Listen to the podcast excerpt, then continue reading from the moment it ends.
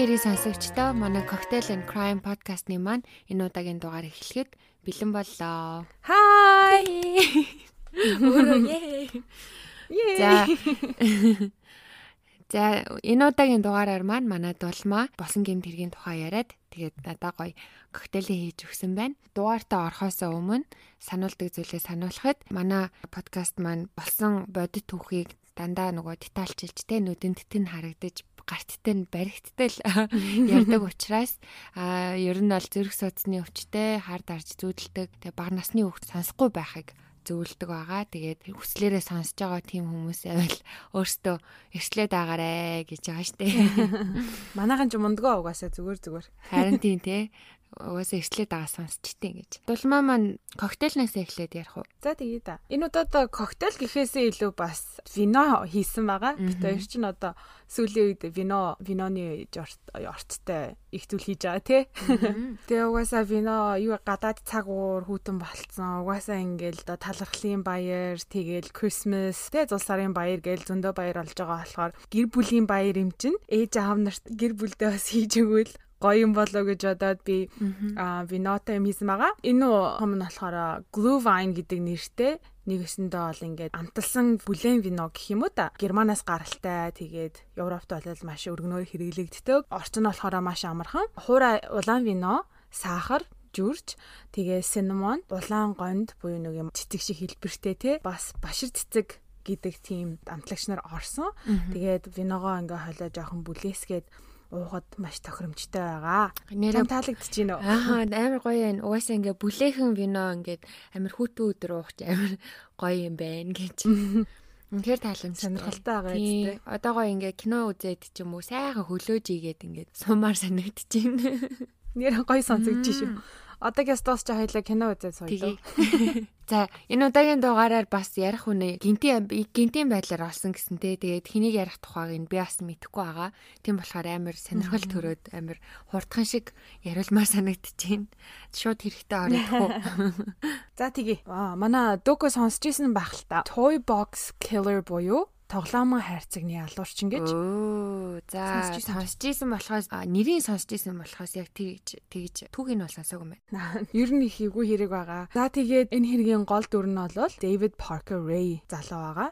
За тэгээ David Parker нь New Mexico мужийн Belen гэдэг хотод 1939 оны 11 сарын 6-нд буюу өнөөдөр төрсэн байх нэ. Вау. За тэгээ тэрээр Дүү Peggy ээж нари болон эцэг Cecil Ray-ийн хамт эмээ өвгийнхаа жижигхэн эдлэн газарт амьдардаг байсан байна. Тэгээ түүний эцэг Cecil ер нь бол архичин байсан бөгөөд гэр бүлийн хүчээр хийлэл дарангуйлан тэдний амьдралд ер нь бол хэвийн үдгэл байсан. За тэгээд бага наснд нь түүнийг 10 настай байхад нь эцэг ихэн салж Дэвид охин дүү Пегитагаа хамт аавын талын эмээ өвгийнхоо фарм дээр очиж амьдрах болсон байгаа. Тэгээ энэ үеэс хойш ээж нь ер нь ингээд хоёр хүүхдээсээ зайгаа барьсан юм шиг байлээ. Ээжийнхэн талаар ямар ч мэдээлэл мэдээлэл авахгүй. Гэхдээ аавынхаа талын эмээ өвөө хоёр дээр өссөн. Ээж нь ер нь бол байхгүй байсан. А харин түүний эцэг хаяада нэг ирдэг байсан. Тэгээ ирэх болгондоо Дэвидийг одоо зодож занчдаг байсан гэж байгаа баг багт нь. Тэгээ түүний өвөө Ethan Ray гих өвгөн тийм маш хатуу чанга хүн байсан бөгөөд Дэвид Пеги хоёрыг үгэнд нь орж хэлснээр нь байхгүй тохиолдолд зоддог байсан. Одоо сургаж ийн хүмүүжүүлж ийн гэд маш их зоддог байсан гэж байгаа. Тэгээ бага нас нь бол ер нь хүчирхийллээр дүүрэн өнгөрсөн байдаг. Дэвид нь ер нь багасаа тийм бүрэг ичимхий хүүхэд байсан гинэ. Өндөр туранхай тийм бүрэг ичимхий хүүхэд байсан. Угаасаа бандар болгон л тэгдэж штэ жоохон бахта октоодтай ярьж чадахгүй нэг хичээл тий тэгдэг байсан. Тэрийг нь ангийнх нь хүүхдүүд дөрүүлэн авч амар шоголдог байсан гэж байгаа аахгүй юу? За тэгээ түүний улмаас олон найз нөхөдгөө байсан ер нь жоохон ганцаардмал. Цагийг ганцаараа өнгөрөх болсон нь түүнийг арих хар тамхинд ороход түлхэж болж өгсөн бөгөөд түүний гаж бэлгийн хүсэл те эмгтэй хүнийг тарчлаан зовоох тийм бусармаг фантазийг нь бүрэлдүүлж эхэлсэн байдаг. Дэвид ахлах сургуулаа төгсөөд Америкийн нэгдсэн улсын Army буюу цэрэгт явж оцсон ангидаа механикаар ажиллаж байсан юм билээ. Албаа хааж дуусгаад хүндэтгэлтэйгээр халагдсан байдаг. Цэргээс халагдаад механикаар ажилладаг байсан ба түүний хүрээлэх хүмүүс нь Дэвидийг ер нь найрсаг ажилдаа маш сайн тэгээ гарын эв дүүтэй өөрөө багаж хэрэгсэл бүр хүртэл ингэж зохион бүтээж хийдэг байсан гэж байгаа байхгүй. Тэгэхээр ер нь бол амар гарын эв дүүтэй мундаг юм барьчдаг хүн байсан юм билэ. За тэгээ түүний хувийн амьдрал нэг иймэрхүү одоо юу юм нэг амар деталь байхгүй юм байлээ. Хэрэг юу болсон бэ гэхээр 1999 оны 3 сарын 22-ны орой New Mexico мужи Elephant Butte гэх газар цус нүж болсон төмөр хүзүүчнээс өөр юу ч өмсөж зүүсэн зүйлгүй эмэгтэй нэгэн айлд тусламж хүсэн орж иржээ. За тэгээ цагдаа сэргийлэх болоод эмэгтэйгээс юу болсныг асуухад Дэвидийн хийсэн аимшигт хэрэг илэрсэн байдаг аа. За тэгээ тэр эмэгтэй нь 22 настай Cynthia Vigil гэх эмэгтэй байсан бөгөөд 3 сарын 19-ны орой New Mexico мужийн Albuquerque гэдэг хотод бие үнэлж байхад Дэвид нууц цагдаагийн ажилтан болон жүжиглэж тэр эмэгтэйг чи хууль бус үйлдэл хийсэн учраас би чамайг баривчилж байна хэмээн бүсгүйг авч явдаг байна. Синтиаг цагдаагийн хилдэс биш Дэвид харин өөрийнхөө хаус руу дагуулan явсан байдаг. Тэнд очиод гэрийнх нь хажууд байрлах трейлер буюу чиргүүл тавиачиж 3 хоногийн турш түүнд хүчээр харт тамхи шахан мансууруулан зодон занчин тогон зохиулж бэлгийн хүчээр хийлэл үзүүлсэн байдаг. За тэгээ хамгийн аимшигтай нь энэ бүх бусармаг үйлээ Дэвид ганцаараа үйлдэггүй. Oh my god. Хамгийн аамир нь гол хамтрагч нь болохоор найз эмэгтэй болох Cindy Handy гэх эмэгтэй байсан. За тэгээ ингээ 3 хоног тарчлаасны эцэст яаж ингэж тэр хоёр араатны гараас мултарч чадсан бэ гэхээр 22-ны өдөр тэд Cynthia эмэгтэйг хаусныхаа том өрөөнд байсан матраасан дээр хөвтүүлж гинжилсэн байдаг. Тэгээ тул удалгүй David-ийг ажилдаа явсны дараа түүний хамсаатан болох найз эмэгтэй тэ Синди уцаар яриад хажуугийн өрөө рүү орсон гэж байгаа байхгүй. Тэр үед Синтия ширээн дээр байсан хүзүүвчнийхээ түлхүүрийг аван өөрийгөө сулсан байд. За тэгээд өөрийгөө сулчаад Синтия 911 залгахад диспатчер нь уцаа авсан байдаг. Гэтэл ярьж чадаагүй. Яагаад гэвэл Синди буцаад өрөөнд орж ирэн тэр хоёр нь оцолтож эхэлсэн. Амиа аврахын төлөө юу ч хийхээс буцахгүй Синтия бүсгүй гарт таарсан мүс хагалагчаар Синди хүзүүнд нь зоож цухтааж чадсан байдаг. Oh. За тэгээ зүхтаагаад бүр амар агаад тэгээ гараад хүүхэд чинь чармаа шалтан цуснууж болцсон. Ингээд төмөр хүзөөвч зүүцэн. Тэгээ тэдний хурших руу гүгээд очиод цагдаа дутсан гэж байгаа аахгүй юу? 911 дуудаад ингээ хаягаа өгтөл гэрт нь ахта 911 дуудах гэж оролдоод холбогдсны дараа гинт тасарсан чинь байршил тогтоогчоор цагдаа нар аль хэзээ ирж исэн Дэвидийн гэрлөө Харин би яг хэлчихжээсэн. Цагдаа руу хальт нөгөө 911 рүү дуудлага өгөөд ингээд диспатчер хариулаагүй байхад ч юм уу хариулсан ч гэсэн нөгөө нэг хариулахгүйгээр тасалчихлаар буцаага залгадсан шүү дээ. Одоо бол Тийм. Тэгээ тэр үед яадаг байсан юм болоо гэд яг асуух гэсэн чи чи сая яг хэлчихлээ л дээ. Тэгвэл тэгээ хаягаар нь шууд хүн явуулчт юм байна те. Утасны нөгөө нэг сүлжээ нь хаанаас орж ирдгээр нь шууд ингээ хайчдаг байсан юм билэ. Тэр үед тэр чи одоо 2000 одоо 1999 он гэдэг чинь бас технологи гайгүй хөгжиж эхэлж исэн болсон. үш тэ. Аа. Монголд одоо яадаг бол тийм юм байдаг болов. Харин тийм би бас амар боддөө ш тэрий. Тэгээ цагдаа нар мэддэг хүмүүст доор хариултанд хариулна үз. Тийштэй мэдээлэл баг багаар нэмж байгаа. Аа. За тэгээ цагдаа нар хурж ирээд Дэвид Рэй болон Сэнди Хэнди хоёрыг баривчлан саатуулж мэдүүлэг авахад тэр хоёр хоёулаа хэлэхдээ одоо тий Сэнти яг хар тамхин донцсон бие үнэлгчээ наад чинь тэгээ бит хоёр түүнд тусалж биеийг нь цэвэрлэж хар тамхинаас нь ингэж гарах гэж оролдож байсан юм аа. Наад чи одоо нэг ёсондоо тий хар тамхи хэргэлцэн мансуурцсан юу ярьж байгаагаа мэдэхгүй хүн байгаа гэж хэлсэн байгаа байхгүй юу. Сэнти яг тий хар тамхинаас гарах гэж байсан ч гэсэндээ амар цуснууж олцсон хүзүүч зүүцэн байхаар чинь цагдаа нар мэдээж гайх ах штэ юу ирээд байгаа юм бэ? Чи одоо хар тамхинаас гарах гэж оролдлоо. Оролдох юм бол тэр өөх ёстой байгууллагт наваа rehab гэдэг газар наваач өгөөд те сайхан цэвэрлээд хар тамхинаас нь гарах хэрэгтэй штэ. Тим байдлаас нь улбалан Дэвидийн гэрийг шалгах болсон байдаг. За тэгээд тэдний хаус болон чиргүүлээс олцсон зүйл Дэвид Синди хоёрыг угаасаа худлаа ярьж байгааг баталдаг байгаа.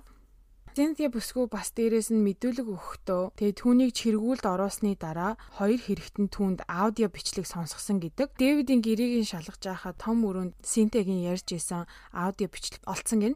Тэгээ тэр бичлэгийг нь сонсоход бүр ингээд чихэндээ итгэмээргүй бүр зүйлийг дурдсан байдаг. Одоо хүртэл тэр нь онлайнаар байдсан бэлээ энэ бичлэг нь. Би сонссон 40 хэдэн минут урт заа юу. Тэгээ яг би бүгдээр ингэ дуусаа сонсч чадаагүй. Үнэхээр амар юм ярьсан тийм бичлэг. Тэр бичлэгэн дээр Дэвид Дэвид ярьж байгаа байхгүй юу? Ярихдаа toy box буюу те тоглоомын хайрцагнда одоо Cynthia эмэгтэйг яаж тарчлаан зовоож, яаж хүчирхийлээд детальчлан яриа зогсохгүй. Дэвидийг мастер буюу ноёнтон эсвэл эзэн а Синдиг mistress буюу хадагтай гэж дуудахыг шаардсан байдаг. Бичлэгэн дээрээ бас Синтия бүсгүйг анхны боол биш одоо анхны хохирогч биш гэдгийг дурдж хэлснэ. Хүссэн зүйлийг нь биелүүлэхгүй бол урдны боолуудтайгаа адилхан чамайг хөнөөн шүү гэдгийг анхааруулдаг. Тиймэрхүү юм цагдаа нар сонсоод угаасаа те Сенти худлаа яриаг юм байна гэл. За тэгээд түүний тоглоомын хайрцгийг олваа. Түүний тоглоомын хайрцаг нь болохоор хаусных нь хажууд байдаг байсан чиргүүл дотор тэр чиргүүлийг шалгахад бүр үнэхээр итгэмээгүй зүйл гарч ирдэг. Чиргүүл нь ингээд дотроо дуу чимээний хамгаалалттай дотор нь эмгтээчүүдийн үзлэг хийдэг ортой адилхан ор, мис заслын хэрэгсэл, зүү хутга, олс, ташуур, гав, гинж тэгээ бүр хиймэл бэлэг эрэхтэн авс гих мэд бүр им аимшигтай сонин зүйлс олддог. Авс гэсэн үү? Тийм, авс. Oh my god. Ингээ доторлцсон авс заа юу. Тэр нь одоо юунд хэрэгэлдэг байсан? Яа, бүү мэд. Мэдхийч хүсэхгүй. Харин тийм Хүнээ хийж мэгээ түгждэг байсан юм биш үстэй бурхан минь амар. Бодвол тэгдэг л байсан юм байлгүй. Тэгээл нуг гаж хүслээ хангадаг заваа. Бас нэг сони юмнууд нь болохоор чиргүүлийн доторх хаанан дээр садар самууныг сурталчилсан зураг хүрэг бас дээрээс нь Дэвидийн өөрийн гараар зурсан зураглал гих мэд ханийн зургаар чимсэн байдаг. Тэгээ бас амар заваа юм нь өрөөний таазан тойл байрлуулсан байсан хохирогч нар өөрийгөө хэрхэн тамдуулж байгааг харах зорилготой тэр нь Дэвидийн гаж хүслийг илүү асааж ингэж хандаг байсан гэж байгаа байхгүй. Бас дээрээс нь яг үзлэгийн орны чанх урт талд тэр цаг үедээ бас нэлээд чанартай тооцогдох байсан тийм маш үнэтэй видео камера байрлуулсан байсан. Тэгээ өөрийнхөө хийж байгаа үйл болон тэр тарчлал бүх юмыг видеогоор ингэж бичдэг байсан гэж байгаа байхгүй. За тэгээ камерны хажуу талын ханан дээр Дэвидийн битсэн хулгайлалт гэж гарч гэлсэн тийм жагсаалт байсан нь 1993 оноос 1997 оны хоорондох тийм он сар өдрүүд болон хажууд нь ийм учир битүүлэг тоонууд байсан. Одоо 33, тэгэл 21 яг юусэн утгатайг нь бол мэдэж авч чадаагүй. Гэхдээ мэрэгжлтнүүдний таамаглаж байгаагаар болохоор яг хөө тэр ондоо хөнөөсөн хүмүүсийн эсвэл тарчлаасан хүмүүсийн тоо байж магадгүй гэж таамаглалт юм бэлээ. Гэхдээ бол яг тим юм гисэн тийм ноттой баримт байхгүй. Бас дээрээс нь тэрхүү жигсаалтны хажууд Дэвидийн битсэн гарын авлага шиг зүйл байсан. А тэр гарын авлага нь болохоор ер нь бол сексийн боолтой яаж харьцах вэ гэдэг утгатай юм байсан. А тэрэн дээр нь уншихад маш уурт. Ер нь бол энэ боолоо энэ хохирогчоо яаж одоо өөрийнхөө хүссэн юм хийлгэх вэ? яаж бас өөрөө ингээд те одоо өрөвч зангаа ч юм уу те цааш нь хийх вэ маягтай юм бичсэн байсан. Тэрэн дээр одоо ингээл одоо чиний өмчилж авсан эмхтэй хүн чинь энэ тарчлалаас цухтаахын тулд чамд юу ч хамаагүй хийлж болно уйлн унж янах хашгирдаг чамд мөнгө өгье гэж хэлнэ. Миний биеийн ирсэн эсвэл би жирэмсэн би хөөхтэй гих мэт зүйл ярьдаг. А гихтээ чи хүслээ биелүүлэхийн тулд энэ зүйлд ганцанд нь ч итгэж болохгүй шүү гэж бичсэн байдаг. Чи бариад авчихсан одоо энэ хүнч гэж ярихгүй энэ эмгтээч гэж ярьдаггүй энэ чи өөрийн л болгоод авцсан бол энэ л чиний зүйл. Чи хүссэн юм а хийх ёстой амнаас нь гарч байгаа ганц зүгийг битгий сонсч өөрөө өөр дээрээ хүлээж ав гэж битсэн байдаг. Тэрнээс нь ингээд харахад бол ер нь энэ тоглоомын хайрцагнда хохирогч нараа авчираад ганцаараа энэ бусармаг зүйлээ хийдэггүй бас хүн амьтаа авчирж тэрийг нь хүмүүсээр хийлгүүлдэг байсан гэж таамаглалт юм билэ.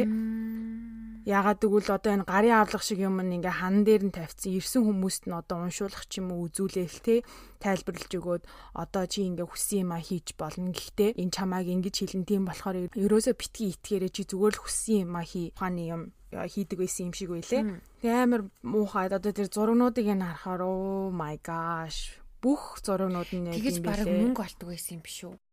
Магадгүй одоо нөгөө гаж гаж нөгөө баячууд чинь те мөнгө төлж тиймэрхүү юм хийдэг талаар эн тэнд байдаг штэ. Айгуу болвол мөнгө зөнгө төлөөд тэгдэгсэн байж магадгүй юм. Магадгүй. Тэг хуулаас гадуур гаж хүслээ хангаж заваа юм хийдэг. Нь нэг тиймэрхүү юм хийдэг байсан юм шиг байгаа. Одоо тэгээ тэр инээдэн мөр юм нотлогоо болох тэр тоглоомын хайрцаг чиргүүл хэрглэж исэн ий тогшлыг ингээ харахаар ер нь бол нэг тиймэрхүү юм хийдэг байсан. Бас дээрэс нь одоо тэр хийдэг байсан бичлэгээ хувлаа зардаг байсан ч юм билүү. Хин үгүйсэх юм бэ тийм үстэй. Тийм штэ яг үнэ. Аа.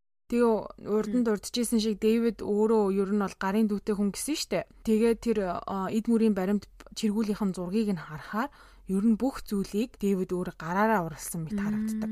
Ээл 9 шидийн юм цоглуулад ингээд нийлүүлээд босгоцсон тэр чиргүүлийн доторх болон тэр одоо үзлэгийн юм шиг ором ороо хүртэл те. Аа. Угаас нөгөө хүн үзлээ хийлгчээр чинь бас одоо орчин цаг болцсон одоо энэ чинь 2000 он гэхэр чинь хүмүүс бас нөгөө юу ажил асуулт тавьж магадгүй ш те. Энэ яг юу яриад байна мэнэ. Тэгээ өөр хийж л тийм штэ. За ингээд ер нь бол Дэвид болон Синди хоёрын хэрийг үүсэж илүү нухацтай мөрдлөг явж эхэлсэн байдаг. За энэ хэргийн тухай хэвлэл мэдээлэлээр цацагдахад Angelica Montana-гийн эмэгтэй FBI-тай холбогдож Синтия бүсгүйтэй ижил явдал надад тохиолдсон. Би бас ингээд яг 100% ингээд санахгүй байна. Гэхдээ би ингээд надад юм тохиолдсон гэдгийг би мэдсэн. Энэ Angelica эмэгтэй цагдаа дээр очиод мэдүүлэг өгөөд хэрэг үүсгэх гэж оролцсон боловч юусоо юунд ч хүрч чадаагүй Тэгээд бас яагаад э, гэдгийг нь учрыг нь олох гээд судалж үзэхэд ихэнх хохирогчнууд нар нь ер нь бол дандаа юу байсан юм бэлээ бие үнэлдэг эмгтээ эмгтээчүүд байсан. Тэгэл бие үнэлдэг эмгтээчүүд хар тамхи хэргэлдэг хүн гэхээрэл ер нь бол цагтаа сэргийлэх нь ер нь нэг итгэхэ болчтой штэ. Өвөө наа чи мансуурсан байна. Өвөө наа чи нийгмийн хогшаар гэд. Тэ энгийн хүмүүс ч гэсэндээ ингээл бие үнэлдэг гэхээрэл ер нь хүн биш юм шиг бол ханддаг тэ. Тийм дээ. Гэхдээ яг хууль бус зүйл, буруу зүйл хийж байгаа ч гисэндээ эцсийн эц тэд чинь бас хүн өөрсдийн гэсэн эрхтэй дээ. Хүнийг сонсох эрхтэй. Гэтэл энэ Анжелика гээд эмэгтэй болон бусад эмэгтэйчүүд гомдол гаргаад ирж байхад юрөөсөө хэрэг болгож хүлээж аваагүй. Чиргүүл дотроос олцсон зураг болон видеонуудыг үзэж шинжиж эхэлдэг. За тэр бичлэгнүүд дотор 1996 он гэдэг гарчигтай тийм бичлэг гарч ирдэг. Тэр бичлэгийг үзтэл Kelly Van Cleve гэх эмэгтэй тарчлаан зовоож байгаа бичлэг олддог байгаа. А тэгээ Kelly бүсгүйг 90 сурвалжлахад тэр эмэгтэй Колорадо мужид 9 минут оршин сууж байсан. Тэгээд эн чинь 93 жилийн өмнө болсон хэрэг. За тэгээд тэр эмэгтэйг яаж бичлэгэн дээр байгаа эмэгтэй гэж тогтоосон бэ гэхээр шилбэн дээрээ шивэстэй байсан байгаа аахгүй юу. Тэгээд тэр шивэсийн артл яг тэр эмэгтэй мөн байсан. За тэгээд Келли бүсгүйгээс мэдүүлэг аваад энэ зүйлийн тухай асуухад яг юу болсныг бас санахгүй байгаагаа хэлсэн. А гэхдээ тэр одоо явдлаас өмнөх болсон юм нь юу гэхээр 96 оны 7 сарын 24-ний үдэш дөнгөж гэрэлсэн нөхөртөөгөө муудалцаад гэрээсээ гарсан байдаг. За тэгээ гараад өөрийгөө тайвшруулад те хэдэн найзуудтайгаа уулзаад жоох уугаад бильярд тоглох гээд баар орсон гэж байгаа аахгүй юу. За тэгээд хамт явсан найзуудынх нь нэг нь Дэвидийн охин Джесси байсан бөгөөд Келлигийн пивд нь мансууруулах бодис хийсэн байдаг. Мансууруулдаг бодис пивд нь хийсний дараа ер нь жоохон согтоод ашиг нь одоо ер нь харж унтъя гэд Келли удалгүй харахад машин руугаа явж байтал түүний араас Дэвид чанга зохин ухаан алдууд унгаадаг. За тэгээ юу асан бэ гэхээр Дэвид түүнийг тоглоомын хайрцагтаа авчирч 2 хоногийн турш тарчлаан зовоосон. Тэгээ өвдөлтөө төвчлгүй Келли хит хитэн удаа ухаан алдаж унсан гэж байгаа аахгүй юу. Тэгээ түүний хөнөөх зоригтой Дэвид хоолойг нь хэрчин замын хажууд хайсан боловч аз болд бүсгүй амьд гарч чадсан. За тэгээ эмнэлэгт хүргэгдээд мэдүүлэг өгсөн боловч түүний цуснаас маш их хэмжээний мансууруулах бодис олцсон тул цагдаа болон түүний нөхөр түүний хийслэн ганц зүгэнд итгээгүй гэж байгаа. Оо ямар Ер нь бол ингээл нэг мансуурцсан явж байгаа л олон долоо юм яриад байна. Тэгэл нөхөр нь болохоор өөрийг нь хуурж исэн. Тэгээд нөгөө залуутаагаа бас юм болоод ингэсэн бэлгүү гэд нөхөр нь хаяад явсан гэж байгаа аахгүй тэр эмэгтэй. Тэгээд маш их хэмжээний мансууруулах бодисноос улбаалan түүний ой санамж болон сэтгэл санаа нөлөөсөн учраас шүүх цагдаа гэ тууштай явж чадаагүй өөрөө ч ихсэн сүулдэ бүр ингээд зүүдэлсэн бах та хардаар зүүдэлсэн бол үнэхээр юм болсон болов. Яг уу нөгөө нэг хоолойг нь хэрчүүлсэн ингээд сорин мормон байгаа тий а гэхдээ тэр болтол одоо юу босныг ингээд яг 100% санаж чадахгүй. Тэгээ ер нь бол өөрөө өөртөө жигсэн эргэлзэж эхэлсэн гэж байгаа байхгүй юу. Тийм учраас ерөөсөө ингээд тууштай энийг хэрэг үүсгэж ингэж явж чадаагүй. Тэгээ дээрэс нь угаасаа бас жоохон хар тамхи өөрөө ер нь бол хэргэлдэг байсан юм шиг байлаа. Тэрнээс нь улбалаад хүмүүс ч гэсэн дээр нөхрөн ч олон цагдаа нар түүнд ерөөсөө итгээгүй. Тэгээ дараа нь ингээд хамаг хэрэг илчлэгдэхэд ер нь бол Дэвид хохирогч нарын хүчрхийлснийхаа дараа тийм маш хүчтэй мансууруулах бодис өгөн тархийг нь ер нь угааж ингээд ой санамжийг нь мартуулдаг байсан байна. Тэрийг одоо ер нь бол ингээд ховстолт гэж ярьдаг. Тэгээ ингээд амар мансууруулан гутаа одоо чи энэ чи байгаагүй ч юм уу те нэг иймэрхүү юм яриад толгоонд нь ингээд оруулцдаг байсан гэж байгаа байхгүй юу. За тэгээд Келли бүсгүүн мэдүүлэг болон баримтчлагдсан Дэвид бол найз эмэгтэй болох Синдигийн мэдүүлгийн ачаар Jesse Ray болон Yancey гэх хоёр бас хоёр өөр хамсаатныг баривчилж авсан. Тэгээд Синди одоо Дэвидийн найз эмэгтэй штэ баривчл баривчлагдангуудаа шууд Дэвидийн хийсэн хэрэг болон бүх хамсаатныхын хамсаатнуудын тухай ярьсан гэж байгаа байхгүй юу. За тэгээд ер нь бол энэ хэрэгт холбоотой Дэвидтэй холбоотой Синди бас нэг Денис гих залуу Дэвидийн охин Джесси дөрвийг баривчилж авсан. Dennis Yancey баривчилсны дараа X найз бүсгүй болох Mary Parker-ыг хөнөөснөө илчилдэг. А яагаад илчилсэн бэ гэхээр тэр видео камерт нь бичлэг нь байсан юм байлээ. Dennis-ийн X найз хүүхнээ хөнөөж байгаа бичлэг нь заяа. Мэдүүлэг өгөхдөө Дэвид бүсгүйг хулгаалan чиргүүлдэ авчирч хүчирхийлсний дараа Денисийг шахан одоо тэ энэ хүүхний хөнөө гэсээр байгаа хүчээр хөнөөлгсөн гэж байгаа байхгүй. Тэгээд тэрийг өөрөө хэлсэн байдаг. Тэгээ намайг хүнд хэлэх юм бол цагдаад мэдтгэх юм бол бас намайг хөнөөн гэж хэлсэн болохоор би айгаад хэлээ хүнд ч хэлээгүй гэж тэгж байгаа байхгүй Денис. За тэгээ дөрөвдөгч хамсаатан болох Дэвидийн охин Джесси мэдүүлэг өгөхдөө би юу ч мэдэхгүй би юу ч юм сонсож байгаагүй. Одоо ер нь бол өөрийгөө гимгүү гэж гүрийсэн. За тэгээ тэдний шүүх хурал 2000 онд эхэлж хэрэгтнүүдийн ялыг оноосон байдаг. Дэвидийн найз эмэгтэй болох Синди хэргийг илчилж мэдүүлэг өгсөн нь ялаа багасгах санаатай байсан бөгөөд түүнийг 36 жил хорих ял оноод 2017 онд даван заалдах эрхийг олгосон байгаа. За хамгийн муухай нь тэр бэр 2019 оны 7 сарын 15-нд суллагдаж одоо нийгэмшиж амьдарч байгаа. За тэгээ Денис Йенсиг 2 дугаар зэргийн хүн амны хэрэгээр 15 жилийн хорих ял оноод тэр 11 жил хоригдож Батлан даалтаар 2011 онд суллагдсан боловч 3 сарын дараа Батлан даалтынхаа гэрээг зөрчсөн улмаас буцан шоронд орсон байдаг. Одоо тэрээр 2021 онд суллагдах төлөвлөгөөтэй байгаа. Oh my god. Тэгснэ а Дэвидийн охин Джесси нь болохоор эмэгтэй хүнийг бэлгийн тамлал үзүүлэхийн тулд хулгайлсан хэрэгээр 9 жилийн хорих ял авсан боловч 9 жилийнх нь 3 л хорих ангид байх ёстой гэж тогтогцсон. Тэгээ үлдсэн 6 жил нь болохоор зүгээр цагдаагийн хараанд байх ёстой. Дэвидийн хувьд болохоор хөнөөсөн хүмүүсийнхаа цогцыг хаана байгааг хэлж хөнгөн ял хүртэх гэж оролдон тохиролцсон байдаг. А гэхдээ түүний хүртсэн хөнгөн ял нь 224 жил хоригдох ял ээжээ. Хөнгөлөө төнглөөд 224 гэж байгаа шүү.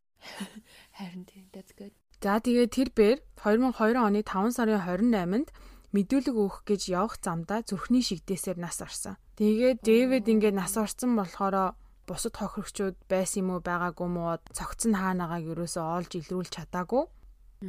2002 онд өгөх байсан мэдүүлгээрээ хэлэх ёстой байсан юм шиг байлээ. Тэгээд яг явах замдаа зүрхний шигдээсээр нас орсон.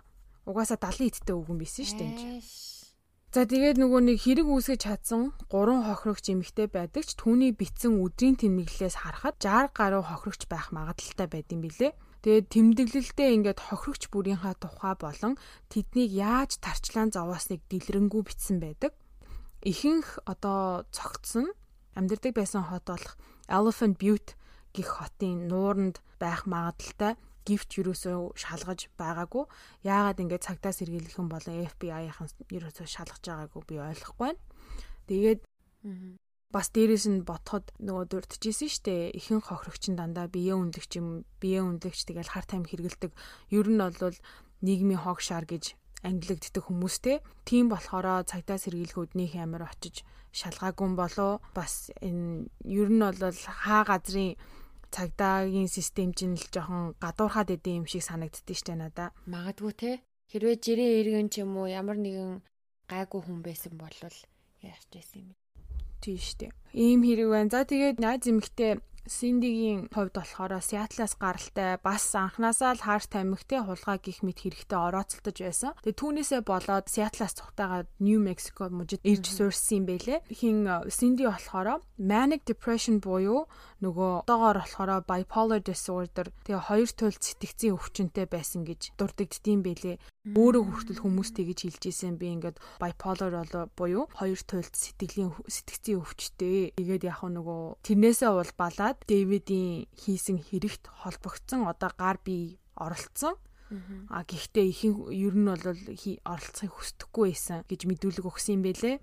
Тэ хоёр туйлд сэтгцийн өвчнөд байсан гэдгийг нь батлах, нотлох тийм ямар ч эмчийн одоо бичиг юм уу рекорд байхгүй мэлээ. Зүгээр ер нь өөрийнх нь хэлсэн зүйл. Дэвидийн хувьд болохоор paraphilia буюу бэлгийн дур хүсэл нь гинэд дээд зэгтээ хүрэн бие барьж чадлаггүй бүр ингэж яаж чадахгүй өөрийгөө ингээд бие мах бодороо одоо ямарваа нэгэн зүйл хийж иж хангахад хүргэдэг гэж байгаа байхгүй юу энэ сэтгцийн өвчин нь За. Тэгээ Дэвид тим одоо ер нь бол сэтгцийн өвчтэй гэж яг 100% онцлогдоогүй. Тэгтээ мэрэгчлүүдийн ингээд Дэвидийг одоо хараад те ер нь гаргасан таамаглал нь тийм байдаг. Тэгээд ер нь бол ийм sadist буюу бэлгийн гаж зуршилтай гэсэн тийм юу альбом бус онштой. Ер нь одоо ингээд мэрэгчлүүд нь чи ингээд иймэрхүү хүмүүсийг хараад судалгаа модлага хийгээл бичдэг те. Тиймэрхүү юм дээр болохоор альбом бус уншин тийм юм бэлээ. Сонирхолтой фактууд нь их юм бол Дэвид ер нь багасаа бэлгийн гаж бэлгийн гаж зуршил нь харагдчихсэн юм бэлээ. 14 настай байхад нь охин дүү болох Пегийн өрөөнөөс нь юм олсон гэж байгаа байхгүй юу. Тэгээ тэр нь бол амар тийм гаж гаж порно зурагнууд тэгээ хажуугаар нь бас өөрийнх нь ингэж гараараа зурсан эмгтэй хүнийг тарчлаан зовоож байгаа 9 шид хутга мес тэгээ бас юм амтан амтантай тийм сонин сонин зургууд зурдаг байсан. Тэгээ бас яаж тиймэрхүү зүйл толгойд нь орсон бэ гэхээрээ эцэг нь маш их тийм юм үздэг байсан гэж байгаа байхгүй юу? Оохоо. Тийм ер нь бол маш их харихуудаг, ер нь жоохон хүчрхийл одоо архинаас үүдээд хүчрхийлүүлдэг, зодуулдаг байсан байгаа хта. Тэгээ аав нь тиймэрхүү зураг хөрөг үзүүлдэг. Тэгэнгუთ чи ингээ багаас нь ер нь өөрийнх нь бэлгийн боловсрал нь угаасаа гаж ихэлсэн. Тэгээ ингээ хараад ахаар одоо том болоод явсаар явсаар явсаар агаад энэ нь одоо ийм бузар бусармаг үйл хийхэд нь ер нь хүргэсэн баг. Бас нэг сони юм нь дөрөв удаа гэрэлж ийсэн. Хоёр охинтой гэж байгаа. А нэг охин нь болохоор угаасаа энэ хэрэг толбогдлолтой Джесси гэдэг охин те. А нөгөө охин нь болохоор нэр усаа солиод баг алга болцсон. Хамаг юмаа солиод угаасаа ийм хэцэгтэй ямар л хүн бахархаж хэлэхвдээ тийм биз дээ. Тийм штэ. Анхныхаа эхнэрт хэлж исэн юм бэлээ. Дөнгөж гэрэлчээд ингээд би өсвөр насндаа ингээ нэг эмэгтэйг хулгаалаад би модон дуяад түүнийг ингээ тарчлаа, зовоож би ингээ хүчрхийлж исэн. Тэгээ дуусныхаа дараа би тэр охиныг хөнөөгөөд хайсан гэж хэлсэн байгаа байхгүй юу анхныхаа эхнэр. Тэгээ анхныхаа эхнэр нь би гайхаад яагаад тийм юм ярьж яат нь одоо цагдаас хэрэглэгт хилдэггүй юм бэ? Тийштэй. Гэсэн чинь дараа хэрэг илчлэгдээд ярилцлага өгөхдөө хэлсэн байгаа аахгүй. Би тэр үедээ зүгээр гаж юм сонирхдаг юм байна да. Тэгээл нэг тэр бодлыг нь илүү нөө сэтрэхгүй тулд олон юм асуугаагүй тэгээл хайцсан гэж байгаа аахгүй. Нөгөөх нь өөгшүүлэхгүй гэ тэ. Тийм өөгшүүлэхгүй гэ. Бодтгол бодол байна л да. Тийм гэхдээ бас эн чин таагаар өвхөн хамтанд хэлээл цагдаас хэрэглэгт хэлмээр юм да. Тэрийн уулын тэгээ сэргэлэн хүн байсан бол нөгөө факт чек хийчмээр интег ялсан. Мөн уудлын ялсан мэдээд одоо мэдгээд ч юм уу. Тэгэл дотроо бодоол өнгөрцөн л юм байна л да зайл. Гэсэн юм шүү. Тэгээд бас нэг сонирхолтой факт нь болохоор энэ тоглоомын хайрцгаа бүтээхэд ойролцоогоор хэдэн төгрөг зарцуулсан гэж бодож байна. 100 сая доллар? Yes. Тийм үү? Тийм. Оо ойролцоогоор 100 мянган ам доллар зарцуулсан гэж аа. Би яг 100 мянга гэж хэлчихэд арай хэлчүүдэ гэж бодож байсан. Тэгвэл бас их мөнгө оржээ. Тэгээ ер нь бол өөрийнхөө фантазны бүх юмыг гаргахын тулд хамаг мөнгөө зориулж өөрөө барьсан гэж байгаа байхгүй юу? Тэр чирэг одоо тоглоомын хайрцгаа Манайхан ороод зургийг хараарай заяа. Ер нь бол их л эвгүй зурагнууд бэлээ дээ. Тэгээд хин нэг юм репорт хийх ч юм уу эсвэл Facebook, Instagram авчихгүй бол байгаа ах. Тий. Чамаа харин нөгөө нэг чи дөнгөж ингээ гарцгаа сая одоо хоёлоо бичиж эхлэе өмнө хэлсэн штэ. Би ингээ хайгаад үтсэн чинь ямар амар тоноглогдсон те бүр ингээ киноны харин тий бүр нэг кино зураг авалтын газар шиг л штэ. Бүр арай л амар юм аа. Одоо 100 мянган доллар орсон шүү дээ. Харин тий харагдаж байна харагдаж байна. Одоо тэгэл угаасаа угаасаа бүх талаас нь дуу хамгаалагч энэ төр хийцэн гэсэн те дуу шингээ дуу шингээж авдаг юм. Амар юм а энэ өстө үнэхээр балер хүнийг зүгээр яаж тарчилж болно бүх юм энд байна те. Бүх зүйл. Тэгээд одоо энэ чиргүүлийнх нь ханаар дүүрэн ер нь бол өөрийнх нь зурсан зураг тэгээ ингээд ер нь гарын авлагандаа гэж зориулсан юм уу гимээр тийм зураглалууд маш их байсан Тэгээ дээрэс нь бас нэг сонирхол олцсон юм нь юу вэ гэхээр тэр чиргүүл доторх нэг шүүгэнийх нь хаалган дээр нь Satan's Den буюу сатаны үүр гэсэн постэр байдаг. Тэгээ тэрнээс нь бол харахад бол ер нь сатаны шүтдэг бас тэгэл ер нь шашны гаж урсгалтай босромог хүн байсан юм шиг байгаа. Амар том тэмдэг биш те Satan's Den гэсэн. За тэгээ энэ хүний хийсэн ийм хэрэг босромог юм байна. Ямар амар юм бэ ёо. Би бүр шоконд орлоо. Тэгээд ер нь хараад ахаар энэ хүнээс бас ингэж сэтгэлэн бүтээсэн зөндөө аим шин дүр байдаг юм шиг санагдсан. Гэтэ яг одоо яг толгоонд орж ирэхгүй л байна л та. Тэгээ ингээд одоо хэрглэж исэн хэрэгсэл мэрэгсэл те тиймэрхүү юмыг ингээ харахаар бас кинон дээр кинон дээрээс харж исэн байгаа байхгүй. Тэгээ тэгээд тоглоомын хайрцгаа яг яаж одоо юунаас сэтгэвлэн бүтээсэн нь бол мэдэхгүй. Өөрийнх нь ер нь бол тархинд өөрийнх нь фантазинд байсан гэж бодож байна. А гэхдээ хохирогчийг ингэж ожирхийлэхээс өмнө ийм аудио бичлэг сонсуулдаг байсан гэсэн штэ. Тэр бичлэгэн дээрээ хэлэхдээ яагаад тэдрийг одоо тулгайлж сонгож авж ингэж хүчрхийлж байгаа гэдгийг хэлдэг байсан юм бэлээ. Тэгээд угаасаа хохирогч нар нь бол дандаа юу байсан гэсэн штэ бие үнэлэгч болон ингээл харт амигч юм уу тийм хүмүүс байсан. Тийм болохоор ер нь бол нэг ёсондоо нийгмийн хог шаарыг бас одоо цэвэрлж гин гэдэг утга байсан юм уу хайшин. Тэгснэ өөрөө болохоор яг өстой нийгмийн хог шаар байгаа байхгүй юу? Тийм байна. сая харчлаа. Тэгсэн чинь David Reyes одоо хүнээс сэтгэлэн бүтээсэн дүр нь болохоор хөрөө гэд кино шүү дээ. Тий. Тэгээ со тэрийг ингээд сэтгэлэн бүтээсэн гинэ. Оо вау, тийм үү. Тэр чинь сте амар кино дээ, тий. Амар кинош нөгөө нэг ингээд хүмүүсийг сонгож аваад чи тэр үед тим зан гаргаж исэн, ингэж исэн. Одоо энэ тоглоомыг тоглоод ингээд гар мар гэж тэгдэж штэ. Тэрэн шиг хин Дэвид тэгж ярьдаг байсан байгаа байхгүй угаасаа хоёлаа тоглоом тоглоно гэж хэлж исэн бичлэгэн дээрээ. Ямар амар юм бэ? Тэр киног чинь бид нэр аль багасаа үзэж өссөн штэ. Энэ муу навшаа сэтгүүлж бүтээсэн юм байна байж л те. Аа. Энэ тэгээд одоо тиймэрхүү киног ингээл хичнээн үзэл ингээл айдаг ч гэсэндээ жинхэнэ амьдрал биш гэл өөрсдөө тайвшруулдаг штэ. Тэгээ яг одоо ингээ жинхэнэ амьдрал дээр болсон юмнаас сэтгүүлсэн гэж сонсхолоор бүр ингээд ёо бодож чадахгүй амар агаад те. Сэтгэл санаанд чинь багтахаарг байгаа. Хөөхий хохирогчд одоо яг яасан ой амар амар Стам. Нас орсон нь бол баярлж байна. А гэхдээ мэдүүлэг өгчтэй бас олон одоо ор сургуу алга болсон хүмүүсийн хэрийг тайлах байсан ч юм билүү хэн мэдлээ тэрэн дээр нь харамсаж байна. Тийштэй те. Өшөө сайн шүүж байгаа өшөө юм гаргаж ирэхчээс юм билүү тэгээд өөрөө сайн дураараа ч гэсэн тэднэрийг ярьж эхлэхчээс юм билүү те. Тэгсэн бол өчнөө олон эцэг их ч юм уу дараа гэрийнхний зүрх сэтгэл нь тайвширна штэ ядаж. Алга болцсонгээ хүлээгээд байхгүй. Тэгээд нөгөө FBI буюу одоо Америкийн холбооны мөрдөн байцаах газрын цахим хуудсан дээр ийм Дэвидийн хаус болон чиргүүлээс нь олцсон эмгтэй хүний үнэт эдлүүд болон хувцс сунрын 400-аад зураг байдсан бэлээ. А тэгээ яагаад н FBI ингээд цахим хуудсан дээр одоо хүртэл ингэж байдаг вэ гэхээр а тэр дундаас бас ийм танил эд зүйлс харагдвал бас учир нь олдоогүй тийм хэрэг илрэх одоо илрэх байх гэсэн тийм горилго тавьсан юм шиг байгаа. Тэгээ тэр дунд нь бол ер нь бол баг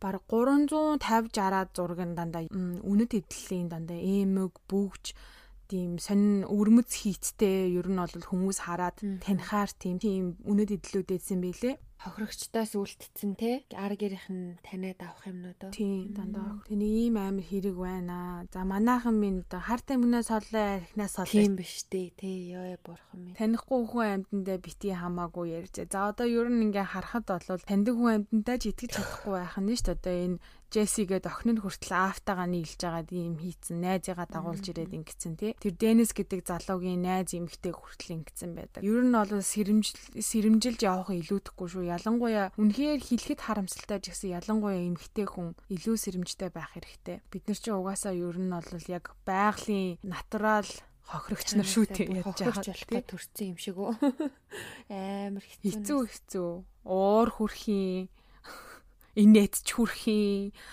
Угаасаа юу одоо эцэг ихэн хүртэл хүүхдээ хүчээр хийлж авах чи одоо хиндэ гэж итгэх юм бэ те? Найз нөхөд ерөөсөө хиндэж битгээдэг. Хэдэн ч жил найзалсан бай үнэхээр итгэх амар хэцүү те? Тийм шүү. А гэхдээ бас хөө манайхан комент явуулал байсан хүн болгон эвгүй харагдаад тэгээд тэгээд тахам бол бас сэтгэл санааны дарамтанд унаа шүү. Яс одоо зүгээр л юу сэрэмжтэй? Тийм сэрэмжтэй мөртлөө бас одоо сонсогчдынхаа тий мундаг ухаанд итгэж гин хүн болгоныг сэжиглээд байхгүй бас хүн болгоныг сэжиглэхгүй байж болохгүй шүү. Тэгээ өөрөө өөрийнхөө одоо хүмүүсийн энергийг шүүх шүүлтүүрээ ер нь сайн асаалттай байлгаарэ. Угаасаа мэдрэгддэж штэ эвгүй эвгүй баг энер чинь мэдэгддэж штэ. Тэгэл гизэндээ итэг гэж нэг үг байдаг те одоо юу мэдэрч ин тэрэндээ итэг зүүн совиндаа итэг. Йоо эвгүй юм бэлээ одоо Амар юм ба. Энэ бол үнэхээр яг бүр кино шиг байгаа эзтэй одоо тэр чиргүүл дотор нээсэн юмнууд аимшигтай аимшигтай. Харин тийм шууд нүдэнд харагдчихээн л та. Одоо ингээд энэ залуугийн одоо одоо баг насны судалсны хувьд чи яг энэ бүхэн яг юутай холбоотой гэж бодож байна. Яг юм нэг зүйл байгаа болов эсвэл үнэхээр юм гаж хүн юм уу? Би бол яг гоо дээж хүчирхийллээс хүчирхийлэгч төрдөг. Гэхдээ тэр бол яг 100% биш дээ. Одоо хүн болгон тийм биш те. Үнэхээр хүчирхийлэл амс баг бахтаа амсангуудаа бас бодоод за үнэхээр энэ бол буруу миний амсан юм буруу энэ одоо амсан зүйлээ би өөр хүмүүст амсуулахыг хүсэхгүй байна гэд бүр амьдралаа бүр 180 эргүүлсэн хүмүүс байгаа шүү дээ. А гэхдээ харамсалтай нь ихэнх тохиолдолд хүчирхийллээс хүчирхийлэгч гарч ирдэг. Ямарваа нэгэн байдлаар тий. Заавал бэлгийн хүчирхийлэл биш юм а гэхэд одоо тий гэр бүл гэр бүлүүр хүүхдээ ах эгч нартай зоддог ч юм уу хүмүүсийг дээрлдэг ч юм уу тийм хүмүүс гардаг. Тийм болохоор ер нь гэр бүлийн доктор одоо докторгүй байдал болон тий аавынх нь архиудаг байсан өвөөгийнх нь бас тэгж амар өгөнд нь ороагүйгээ зодож занчдаг байсан буруу хүмүүжлээс болсон болов. Тэгээ дээрэс нь аав нь өөрөө угаасаа хүртэл бас юм гаж зуршилтай хүн байсан юм шиг харагдсан. Тэгээ тий жоохон 10 хэдэн настай хүүхэдтэй тийм гаж 9 шидийн зураг хүрэг үзүүлнэ гэдэг чинь одоо үнэхээр болохгүй штэ. Тийм штэ. Би л ав тэгэж боддtiin одоо өсвөр насны хүүхэдтэй хүн байх юм бол ер нь бэлгийн боловсролыг ин өгөх хэрэгтэй зөв. Одоо ингийн шүү, тэ тгий шүү, ингэдэг шүү, тэгдэг шүү гэд зөв боловсролыг ин өгөх ёстой. Гэхдээ энэ хүн ингээд шал гаж боловсрол өгсөн байгаа аахгүй. Тэгэл анханасаа тийм ухагтхуунтай байсан эмэгтэй хүнийг ингэх ёстой тэгэх ёстой л гэж боддог байсан юм шиг байгаа. Тэгэл тэр нь одоо нөгөө нэг насахах тусам гүн болоод улам 9 шидийн фантазнууд толгоонд нь орж ирээл. Тэгсэн л ах. Тэгээд бас дээрээс нь энэ амар олон юм. Дээрээс нь энэ сатан матаныг шүтдэг тэр хамаалтай байсан байх гэж би бодчих. Харин тиймтэй тэр сатаны үүр мүргээ битцсэн байна. Тий, мангар томоор битцсэн байсан дээ. Бодвол тэгэл сатаны үнэхээр шүтдэг байсан л хүн юм шиг байна тий. Би бол тэгж бодож байна. Миний бодлоор. Чи юу гэж бодож байна? Тий, чиний дөрөвний хэлсэн дээ. Одоо нөгөө багтаа хүчрхийлүүлж ийсэн байлаа гэд одоо өөрөө хүчрхийлэгч болно гэдэг чинь бас өрөөсгөл ойлголт дээ тий. Одоо хүн болгон багтаа зодуулж исэн байлаа гэж том болол ингээл амар хүн болчтгүй шүү дээ. Бид нар ч гэсэн би ч гэсэн одоо багтаа. Тэгэл ташуурын хамтаа амсчил байла. Тэгээд тэглээгээд бид нар бол ингээд бүгдээрээ муу хүн болчдгоо чиний зөв. А бас нэг сонсогч яг тэгж хэлжсэн шүү дээ. Одоо багада өн чи өрөөсөн те одоо амьдралаар амьдарч байгаа хүүхдүүд тойрын яриаг сонсоод өө би одоо том болоод ийм болчихно одоо болох юм байна. Миний хувь заа ийм юм байна. Ийм адгийн ийм амир хүн болох хэвээр юм байна гэж бодчихгүй дээ гэж би хэлжсэн. Тэр бол нэрэ тэ боддгол бодвол яас тий үнэхээр ойлгож гин ягаад тэгэж бодох болсон шалтгааныг ч гэсэн ойлгож гин ягаад тэгэхээр битүүрийн одоо урдны ярьж ярьсан одоо 20 хэдэн дугаар бүгдээрээ дандаа бүр бүр бүгдээрээ штэ ядчихэл те баг настай холбоотой баг насны хүмүүжил тоглон шаналл хүмүүжил те. Бүх зүйлтэй холбоотой байсан учраас тойрын ярьсан юм ингэх үедээ гэж хэлжсэн таны зөв дойрч гисэн тэрийг боддог. А гэлээгээд одоо тэр хүмүүсийн өнгөрсөн амьдралын бодит фактыг бид хоёр өөрчилж чадахгүй учраас байгаа юм байгаар нь ярьсан. Дээрээс нь чиний хэлдэг шиг хүн болгон өөр те. Хүн ийм дарамтлууллаа гэдэг ийм болохгүй гэдэг шиг. Энэ хүний яагаад ийм болсныг үнэхээр баг настай нь холбохоос өөр юм гарч ирсэнгүй штэ сая бол Тийм шүү дээ. Яг бүр сүулт тэр сатаны нэг хэсэг хугацааны юм гарч ирлээ. Тэрнээс өөрөөр гэхээр ч одоо баг наснаас нь үнэхээр өөр юм гарч ирсэнгүй шүү дээ. Тэр аавын гаж зуршил өвөгийн зоддог байсан.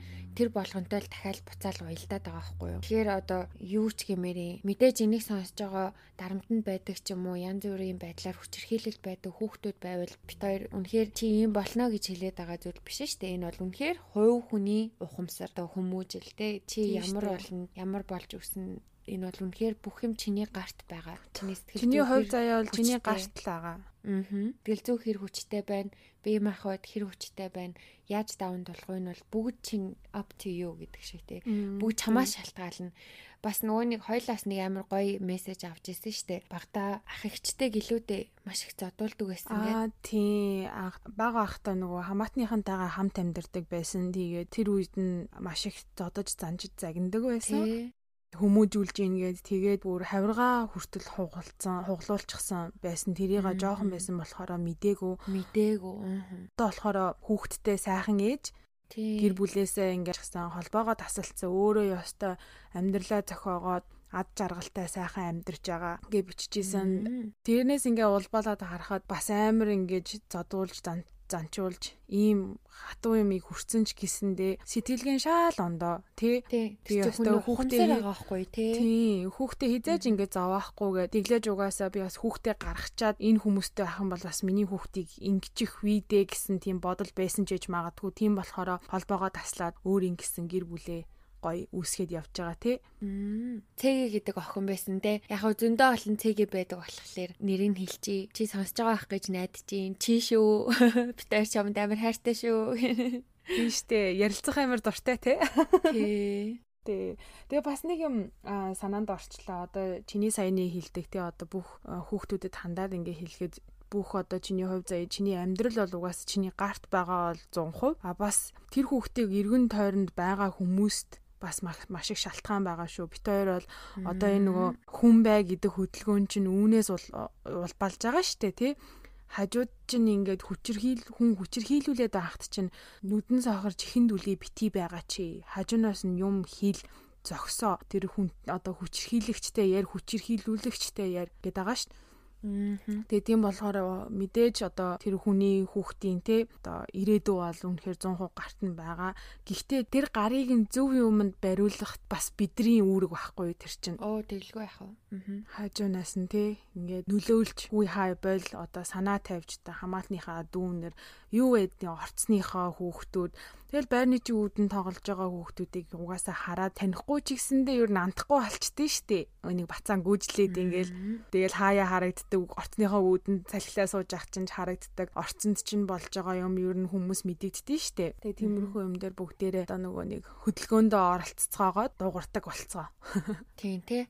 Хөдөлгөөнч гэлтгүй. Энэ нь бол зүгээр яг хүмүүсийн ухамсарт юу лээ ухамсарт нь халтах гал одоо хөдөлгөөн болгож эхлүүлж байгаа алах юм л юм шиг байгаа юм л та гэж ойлгож байгаа шүү дээ. Тэгэхээр дээр үеийн одоо манай ээж аавын үеийн ч юм уу танай ээж аавын үеийн бодол сэтгэлгээ тэр хилдэг байсан зүүрцсэн үгнүүд энэ болгон ч одоо ерөөсөө биднэрт наалтгаа болчиход шүү дээ. Ягаад тэгэхээр тэр бол монголчууд ч ингээ нүүдэлж амьдардаг байсан шүү дээ. Тэр үед одоо бусдын зовлон одоо тэ чамд хамаагүй мамаагүй байдаг ч юм уу бид нар одоо нүгэл явж гар түм үү whatever гэж боддог байсан байлаа гэхэд одоо бид нэр ингээд суурин суурч чинь тийм үү.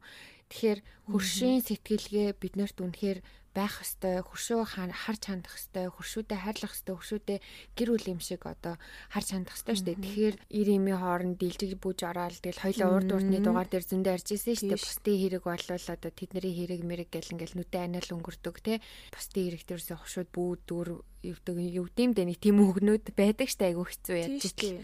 Тэр өгнөө чи одоо биднэрт үнэхээр үйлчлэгээ болцсон залуучуудаа бид нар тэрний эсрэг байх хэвээр. Яагаад тэгэхээр хөршид чинь гай завлан зохиолдоод аяг шанаг нүдээд одоо ингээд аяг шанаг хагараад орилж харлаад авраараа туслаараа өглөө гэд эмхтэн хүн орилж яхад ядаж те цагтаа дуудчихдаг сэтгэлтэй байх ёстой. Тэгвэл одоо хичнээн хүүхдээ ам хохирч хохирчвоо те. Бид нар зөндөө олон юм муухай хар бараа мэдээлэл өдрөө алган сошиал ялангуяа фэйсбүүкээр амар их мэдээлэл явдаг те. Монголд ингэслээ тэгчлээ. Хэрвээ хөршин тэр олон удаа аав нь агсан тавьж тэр ээж охин хүүхэд хоёрыг зодож байхад ч юм уу ээж хүүхэд хоёрыг зодож байхад хэрвээ дуудлага өгөөд байсан бол хизээ нэгэн цагт те хоёр хүний амь ч юм уу гурван хүний амь ч юм уу аврагдах байсан юм билүү. Амар харамсалтай. Тэгэхээр би биэндээ хайртай бай, хуршууд гээд тандгүй байлаа гээд хэрэгт нь орооцолдохгүй гээд дүлдэг байхаа боли те. Яах вэ? Одоо тоглоом шоглоомор ч гэсэн орилолт жахад цагтаа дуудсан тохиолдол Америктаас байдаг штэ. Тэгээд аа энэ намайг буудлаа гэд орилоод дээдлийн давхрын хүн орилсан чи нөгөө хүмүүс айгаад цагтаа дуудсан чи ирсэн чи нөгөө өрлөн сүмтэй буугаар гэр бүлийнхэн тоглож исэн. Тэгэл яах вэ? Цагтаа нарын инээлдэл бүгдээрээ инээлдэл өнгөрнө штэ. Тэр бол хамгийн муугар ботгоод зүгээр ингээл инээдэн ханиадан болоод өнгөрнө. Сэрэмжтэй байхад үнэхээр илүүтэхгүй тий. Үнэхээр илүүтэхгүй шүү. Гурав дахь нүдэ нэ. Энергийнхаа шүүлтүүрийг сайн сэгсрээд шинчилжээ. Яа үнэ. За за ингээд энэ тухай ярих юм бол маш их юм ярих гад байна. Тийм учраас шууд дараа дараагийнхаа ямиг бодъё гэж. Хоёлаа одоо нөгөө нэг асуултанд хариулна гэд пост бичсэн байгаа. Тэгээ тэрнийхээ асуултанд хариулъя гэж бодож байна. За манай YouTube суваг дээр хамгийн их лайк авсан асуулт байна л да. Энд гэхдээ асуулт гэхээсээ илүү хоёланд нь хандаж хэлсэн зүгээр үг байна. Гамина гами гэдэг хүн байна. Сайн уу хоёроо та хоёр үнэхээр гоё урамтай ярьдаг шүү. Бичлэг болгоныг чинь хүлээж аваад хүлээж байгаа шүү сонсдгоо. Гол нь 7 хоногт 2 подкаст тавьж болох уу? Тэгхийн бол яг жарах гад байна гинэ. Тэ хариулт бол үгүй.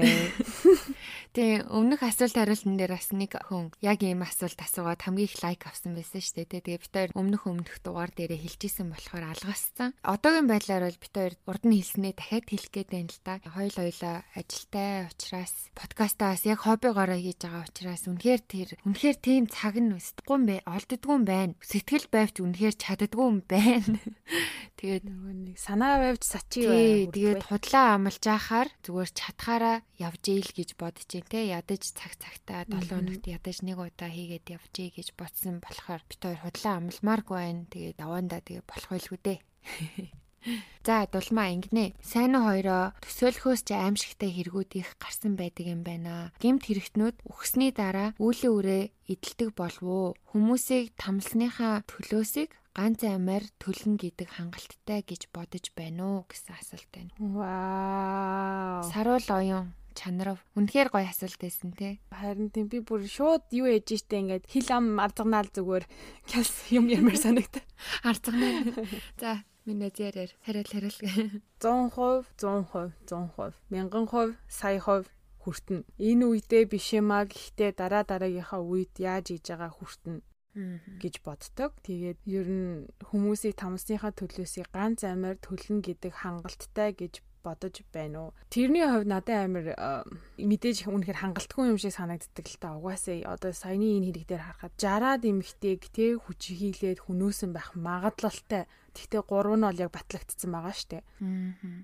Тэгээ бодоод үнэхээр босон байвал одоо тэр хүн зүрхний шигдээсээр яваад үнэхээр хангалттай биш. Тэрнээс илүү амсах хэрэгтэй байсан. А гэхдээ тэр хүний төлөө ийм муу муухай хүсэнгүүт би би гэдэг чинь хүн бас ямар хүн болчихоо. Би бас ингээд өөр нэгэн хүндтэй муу муухай хүсээд бас тамалж алах хэрэгтэй гэж хэлэхээр чинь миний хувьд би намайг муу хүн болгочихж байгаа байхгүй юу? Яг яг л тэгэж бодин тийм болохоор энэ бол тиймч гэж хэл одоо юу хийнд одоо тиймч гэж хэлж чадхааргүй үгүйч гэж хэлж чадхааргүй тэгтээ энэ асуултны хариулт нь бол эхнийхээ асуултанд байгаа гэж бодож энэ үүлийнх нь үүрээр угаасаа тэр хүн хүртэх юм а хүртээд тэгээд явна гэж л бодож байна. Тэгээд дулмаа би чинь саяхан ингээд бөөгийн шашны юм мэдэрч үзээд юм уу Тийм тэгээ би анх удаа бөөд үзүүлж үзээд миний бүр нүд нээгдсэн. Амар сонирхолтой байд юм бэлээ. Тэгээ тэрнээс бол балан би дүгнэлт хийхэд бол үнэхээр үүлийн үр байдаг тэр хүн надад хэлэхдээ угаасаа үүлийн үрийг хүн амсдгаа. Тэгээ тэр хүн үнэхээр мундаг хүн байсан. Би шоконд орсон. Намайг шоконд орсныг манай дөкө мэдээд шоконд орсон. Үнэхээр үүлийн өөр байдаг. Тийм болохоор манайхан ер нь бол өдөр тутамдаа тий ер нь бол амьдралдаа хүн сайн сайхныг санаж яваарэ. Угаасаа хүнээс муухай ааш гардаг бид нар үнэхээр харамсмаар заримдаа юм хийдэг, хилдэг тий. Гэхдээ ер нь ингээд зүрх сэтгэлд чинь сайн сайхан илүү дэлбэлж явах хэрэгтэй шүү гэдгийг л санаарай. Аа. Яг үнэ. А за манай дөкө юу гэж бодож байна. Яг хав найднаас яг бодоо сууж илэн л да. Чамайг сая нөгөө нэг бөө мөө гэд бод ярихаар чинь манай дулмаа ч бас жоохон өөр шарт одоо өөр шүтлэгтэй байжгаад сая бөө яг ямар гэдэг те тийм учирч үзэж байгаа хгүй те. Тэгээ тэр нь Монгол бөөч биш одоо нутгийн индиан гэж ярьдаг те. Native American Америкт байдаг нутгийн индиан хүнд үзүүлсэн. Дулмаагийнхаа хэлснийг сонсхолоор манай Монгол бөөтэй бас одоо үздэг арга ухаан нь нэг адилхан. Тэгээд одоо угаасаа нутгийн индианууд ч гэсэн монголчуудтай хамаатан казинууд үеэлүүд гэж ярьдаг штэ тий. Чиний нөгөө нэг хэлжсэнаар би бас бодчихлээсэн. Тэгээд би ч өөр улаан нөгөө нэг бөөчөн гэх цаашаа одоо нөгөө бөө мөргөлт итгэдэг хүн шүү дээ. Ерөөсө бурхан манай дөгөөж намайг байнга ийм юм сонс, тийм сонс гэлээдэг байсан. Би нэг тэр шаахан ч юу юм бэ зүгээр хайчдаг байсан чинь дараа нь хурж ирсэн одоо алио дөгөө над руу нэг юм явуулаад байгаа. Тэр чинь ямар подкаст илээ юу илээ гэсэн. За sorry. Би болохоор угаасаа хар багасаа бөөтөө одоо ойр өссөн ч юм уу одоо миний таньдаг эргэн тойронд зөндөө одоо бөө хүмүүс байсан учраас яг хуу жоохон гадарлаад байгаа хгүй юу? Монгол энэ хоёр амар адилхан байна да гэд. Надаас амар гоё санагдчихээн яг энэ асуултад нь одоо ингээд холбогдуулаад хэлэхэд угаасаа мэдээж бөөгийн шашинд болвол одоо шашин л гэж хэлэх байх л та тий. Бөөгийн шашинд бол үлийн үр гэж маш том юм байдаг. Одоо та өнөөдөр яад гсэн чи урсаж байгаа голд нэг юм тусал шампунь ч хийдэг ч юм уу тий. Одоо юу ч хийдэг ямар нэгэн бодис хийдэг ч юм уу. За эсвэл одоо дархан цаацтай амтан алд юм уу? Эсвэл нэг тийм чулуу хөдлөгд юм уу? Тэр болгонд чинь тэр болгон чинь үр хөвгтд чинь одоо лусын хорлол ч юм уу ямар нэгэн юмны хорлол ч юм уу үлийн үр болоод очдөг тий. Тэгэхээр одоо бүхэл бүтэн эрдэнэт хүний ам хөнөөсөн хүн байхад тэр нь мэдээж үрээ идэлтэн идэлнэ. Тэр бол хүн зүгээр ингээд тийм штэ. Миний хувьд бол тэр бол зүгээр факт байгаа даа байхгүй юу? Угаасаа идэлнэ гэдэгт би бүр 100% итгэдэг. Дээрээс нь асуулт нь ингэсэн штэ хүмүүсийг тамлсныхаа төлөөсийг ганц амаар төлнө гэдэг хангалттай гэж бодож уу? Үгүй хангалттай биш. Тэгээд ч угаасаа нөгөө нэг гэрлийн дэнсэ гэж юмд ордог штэ хүн нас орчаад одоо ордог гэж одоо ярьдаг байхгүй юу бөөгийн шашинд болохоор чи нас орлоо эрлийн дэнсэнд орлоо эрлийн дэнсэ гэдэг нь одоо прист шүтдэг хүмүүс чинь гэдэм биш үү нас ороод ингээд тамд очиход диважинд очих уу гэдэг нэг юм болдог гэсэн штэ тий. Нэг тийм итгэдэг юм биш тий ер нь бол тиймэрхүү тий. Тий. Тэгэхэд одоо бөөгийн шашинд болохоор эрлийн дэнсэ гэж байдаг. Хэрвээ чи дэнсэгээр ороод чи эрлэгт хэрвээ өртөө гэж үзэх юм бол чи эрлэгт хичнээн жижил юм мэдхгүй. Хэдэн мянган жижилээс хэдэн зуун жилч байсан чиний сүнс чинь ингээд хийх ёстой юм хийгээд явна заяа эрлэгт одоо ингээ үйлчлэн гэсэн үг. Тэгээд тэр зүйлээ сайн хийж дуусны дараа чи буцаад хүн болохгүй маа гэхэд буцаад нэг одоо яадаг ч юм дээ нэг эс дургамлч болд юм уу эсвэл нэг амтанч болж төрд юм уу бусад дахиад чамд нэг юм шанс олдно гэж ярьдсан байлээ. Аа тэгэхээр мэдээж ганцхан хүний алтай амийг хөрнөөсөө хүн хүмүүний амьдралд бол шоронд ороод эсвэл одоо одоо чиний саяны ярьсан хэргийн эзэн болвол одоо зүрхний шигдээсээр буюу байгалийнхаа жамаар нас орсон байж тээ тий. Тэгэхээр энэ хүний сүнс нь угаасаа үхээд дахиад эрэлгийн дэнсэнээр ороод дахиад энэ бол өчнөө олон жил зовно гэдэгт би бүр бат итгэдэг. Тийм тэгдэгч гэж угаасаа бөө мөргөл угаасаа ярддаг. Муу юм хийсэн хүнийг үүлийн өр үүлийн өр гэдэг монголчууд амар ярьдаг ч тийм хүүхдэд чи ирнэ, үе удамд чи ирнэ. Тэр бол үнэхээр үнэн байдаг гэдэгт би бүр ингээд 100% итгэдэг. Тийм учраас ягаад ч юм одоо ийм муу юм хийж байгаа хүмүүсийг би нэг тоодгүй. Окей, үнэхээр мэдээж ойлгомжтой тий хохирж байгаа хүмүүст нь би ч гэсэн үнэхээр зүрх шимширж гин тий шимширж гин. Тэгтээ тэр хүний одоо сүнс маань дахиад хүн болоод хүрчин гэж бодъё. Тэгэхээр тэр хохирлыг бүрдүүлсэн хүний сүнс нь дахиж ингээ хүн болоод хүрэх юм шанс байдаггүй гэж итгэдэг болохоор ягаад ч юм би сэтгэл дотор амар тийм тайван байж чаддаг. Аха. Одоо тэгэл одоо хоёлаа нэг амар амар хэрэгүүд ярьсан шүү дээ. Jeffrey Dahmer те өчнөө 10 хэдэн хүн охироцсон бүр ингээ хүний амьд хүрсэн. Тэд нэр одоо хүртэл ирлэгт ингээд сүнсэн л те ирлэгт одоо зарцаа игээд явж байгаа ч юм болов мэдэхгүй шүү дээ. Тэгээ хүүхдүүд нь одоо хаана яаж зовж байгаа юм бид нар бас мэдэхгүй. Тийм учраас би их надад амар сэтгэлд маань нэг тийм зовир байдаггүй гэх юм уу хичнээн юм муухай юм сонсдог ч гэсэн. Тэгэхээр хийс хүн юу л хийсэн тэрийг үнэхээр шангаа хүртдэг. Одоо жишээ нь хойлонгийн төрөний халууны дугаараар ярьсан хүн байж штэ тий. Ингээл 6 7 хүний ам авчаад одоо би өстой номлогч момлогч гэж явж байгаа. Гэ чи энэ насандаа ингээд засарсан байж болно. Тэглээгээ чиний сүнс чинь дахиад эрэлгийн дэнсэгээр орохлоор чи угаасаа тэр 6 хүнийхээ төлөөсийг төлжил таарна. Энэ насандаа яаж засарсан гэж үжилжиж байсан те үнэхэрч байсан хамаагүй. Үнэхэр сүнс чинь дахиад ингээл одоо эргэлт холбоогоор яваал одоо ингээл тамлагдах бол тамлагдах хэвээр тэгэл хүүхдүүд чинь ч гэсэн ингээл хохирол явна. Тийм учраас ч юм уу Одоо ер нь бол энэ дэлхий дээр байгаа манитыг хуурч чадсан ч гэсэндэ жинхэнэ сорилтыг эрэлгийг бол хизээж хуурч чадахгүй гэж байгаа юм ба шүү дээ. Яг үнэ. Ер нь нэг тийм юм ярьдгийн тэгээд угаасаа манай подкастыг сонсож байгаа хүмүүс нөгөө нэг би биндээ зөвлөсөн байсан шүү дээ. Зүг тавг сонсмоос гэд тэрийг би их амар сонсдог. Тэ дулмаадаас амар хэлжсэн тэ. Тэгээд тэр явахтай бас л хой хүний л үзэл бодол, хой хүний шүтлэг бишрэл тэ. Тийм болохоор би хэнийг ч очиод сонс гэж хэлэхгүй. Гэтэ яг бөө мөргөл одоо сонирхдаг ч юм уу тэ. Тийм хүн байх юм бол тэр подкастыг сонсоод үзээрэй гэ хэлчихье далимхан гэхгүй юм. Надад бол амар таалагдаад хэлсэн байгаа. Урд нь чинь ярьж байгаа юм чи ойлгодгүй байсан юм болохоор тэгээд бас нэг амар анхаарал тавихгүй заа заа гэж хайчдаг байсан. Тэгтээ одоо бол шал өөр хүн болцсон шүү дээ. Тэгээ сонирхож байгаа хүмүүс өөртөө бүр эхнээс нь өөртөө төвчээртэй те. Дийн сонсоод үзээрэй. Тэгээд маш их юм ухаарж ойлгох болно. Тойрын подкастны доороос нөгөө нэг бөөгийн талаар асуусан асуулт бөгөөд хэлсэн юмнууд одоо комментууд маш их байлаа л дээ. Чи эн чи ингэдэм а тэр чин тэгдэм а. Тийм ээ бит хоёр ойлгож гин бит хоёр мэднэ. Тэгтээ бит хоёроос илүү сонсож байгаа залуу хүмүүсттэй бит хоёроос жоохон дүүнартаа илүү ойлгуулах юм бичээрэй За за хоёлоо сэдвээсээ гажаад яах вэ?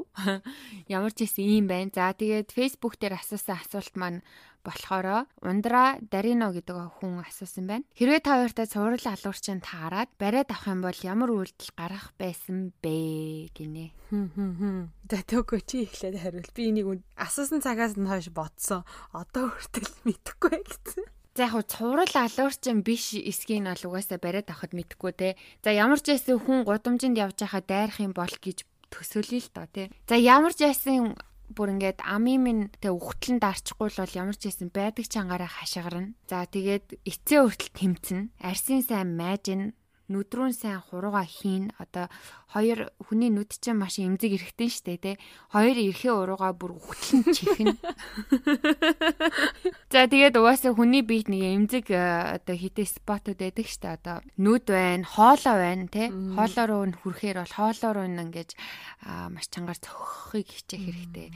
За тэгээд дээрэс нь одоо нөгөө гидсний хөвлий байна. Тэгээ хөвлийс нь нөгөө эмзэг эрэхтний хэсэг байна. Энэ идрүүн дайрах гэж оролдох байх аль надад боломжтой байгааг нь а утас маань гарт байвал хэрвээ iPhone утас хэрэгэлдэг хүн байвал мэдчихэж магадгүй мэдхгүй хүмүүс нь байвал одоо энэ унтрааж асаадаг хажуудлын баруун талын коноп байдаг штэ тий Тэрэн дээр маш хурд хурдтайгаар одоо 1 2 3 4 5 гэ 5 удаа ингээд хурдтайгаар дарах юм бол emergency буюу түргэн тусламж дууддаг. Тэ 911 рүү дуудахаас гадна амар чанга хүчтэй ойролдог утас чинь Тий. Тэрийг яг утас минь гарт байвал ингээд 5 удаа дарах байх. За тэгэл аль болох тэгэл одоо эцээ хүртэл тэмцэндээ.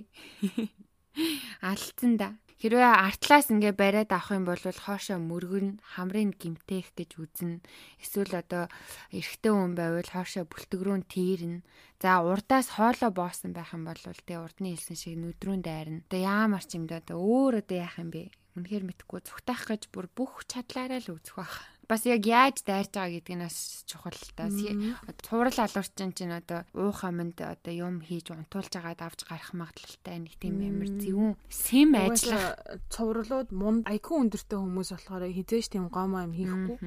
Янз бүрийн байдлаар нэг тийм балиар зөвүүн арга сэдэж магадгүй тэр үед бол одоо мансуурсан байхад л угаасаа хүн үнэхээр юу ч хийж чадахгүй шүү дээ. Эрүүл ухаантай бол одоо тийм л юм хийх бах та. Долмаа маань яах юм бол чи миний яах юм бэ? Би одоо тэгэл хүн дайрах юм бол тэгэл орлол чарлал зохиол хазаал үстэл хийж чадах бүх юмаа хийн. Тэгээ угаасаа орой машинаасаа болон гэрлөөгөө орохдоо эсвэл ийшээ тийшээ орохдоо дандаа гартаа нулимс асгаруулагчаа барьцсан явдаг. Тэгэл юм яаж мэдтгүү нулимс асгаруулагч байхгүй тохиолдолд гарныхаа салавчин түлхүүрнүүдээ хийгээ явдаг.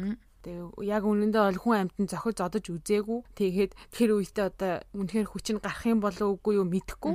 Гэхдээ өөрөө өөртөө ихтгэлтэй байдаг. Тийм тий. Ямар ч гэсэн яаж хийж байгаа л юу аа. Тэгэл нүүрлүү нь угаасаа шанаацсан ч гэсэн түлхүүрээрээ гараараа шанаацнаас илүү түлхүүрээр заасан илүү одоо өвчин учруулах болохоор одоо зүгтах боломж илүү гарч ирэх бах те. Тэгнэ гэж боддог. За тэгээ одоо цуврал алуурчтай таарах юм бол одоо яа мэдэхгүй. Ерөөсө бодол сэтгэлд ерөөсө орж ирэхгүй байна. Тэгээ үнэхээр ингээ гавлагдсан секситэн сууж байгаа юм бол бодлоо зүгээр хэлсэн имийг нь хийгээл ер нь боломжийг л харна да. Ойр тойрныгоо сайн анзаараад хаалга үд цонх нь хаана байна, хаана төгжээ байна, хаана юу байна гэдгийг ер нь бол шинжиж эхлэнэ.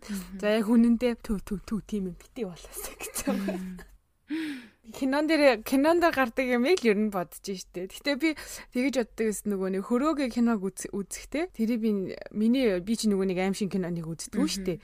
Тэгээ ганц үзчихсэн ер нь амар кинонууд нэг нь бол тэр хөрөө гэдэг цоврол байсан. Тэгээ тэр хөрөөнд үзсний дараа би хэрвээ би ийм байдалд орчих юм бол одоо гарч ирч чадах болов гэж амар боддог байсан. Тэгээ нөгөө тэр чинь юу яд нь штэ ингээл аудио бичлэг сонсоол те чи ингээл ийм тийм одоо тэрэн дотор одоо түлхүүрчин байгаа ч юм уу те Тэгээд хэдэн минутын дотор чи сонголтоо хийж ингэхгүй бол гэл нэг амар имэдэн штэ кинон дээр. Тэгэл би амар өөрийгөө ингэж тавьж бодож үздэг байсан. Хэрвээ би ингээд одоо намайг ингээ гавлаад ингээ алах гад байдаг тэгсэн чинь 5 минутын дотор өөр нэг хоёр танихгүй хүний нэгийг нь золиост гэвэл би чадах болов яах бол өөрөө тэдний өмнөөс өөхөх болов гээл исэн шин тийм боддог байсан.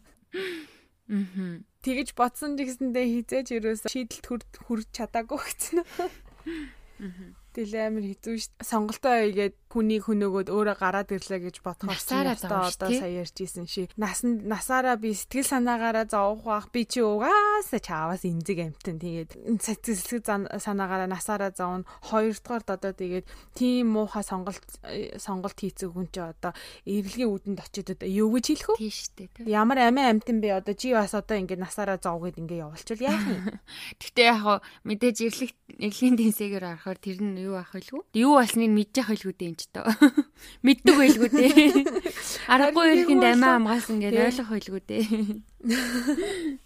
Мэд мэдгүй тэгээд өөрийгөө бодохгүй өрөөлийг бодоод нөгөө хүмүүсийнхээ өмнө өвчлээ гэж бодъё. Тэгэхээр бас намайгаас гой газарлаа аваачих болов гэж бодсон. Сайн байна гэж онгод болгоо төвшүүлчих юм билүү.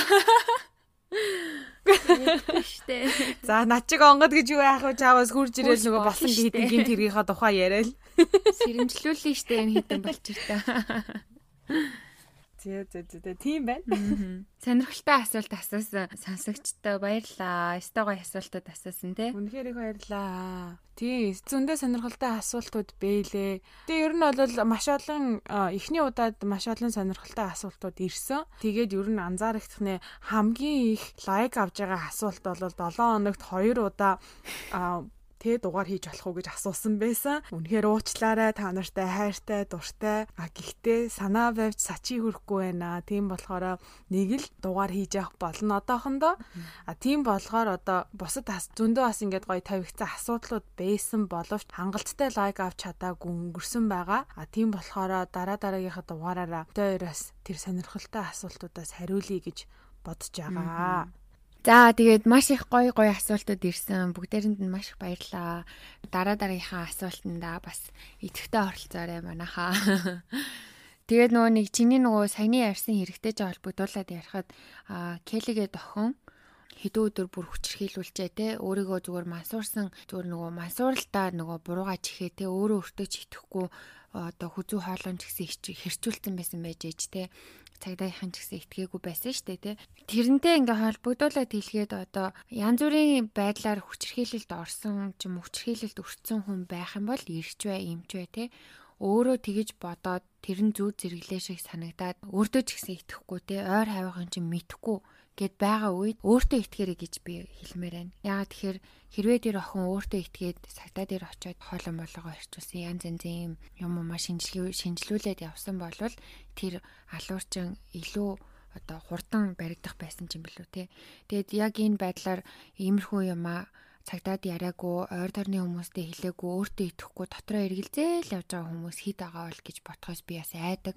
Яагаад тэгэхээр маш их олон байгаа гэдэгт би мэддэг байгаа болохоор одоо мэддэг бөгөөд итгэдэг учраас маш их айдаг. Одоо тийм хүмүүс одоо энийг сонсч ивэл ямар нэгэн байдлаар чи хүчрхийлэл тавтчихсэн бол ямар нэгэн байдлаар чи тэрийг мэддэг ч гэсэн нотолж чадахгүй ч байсан гэсэн Тэ холбогдох хүмүүстэй заавал хэлээрээ.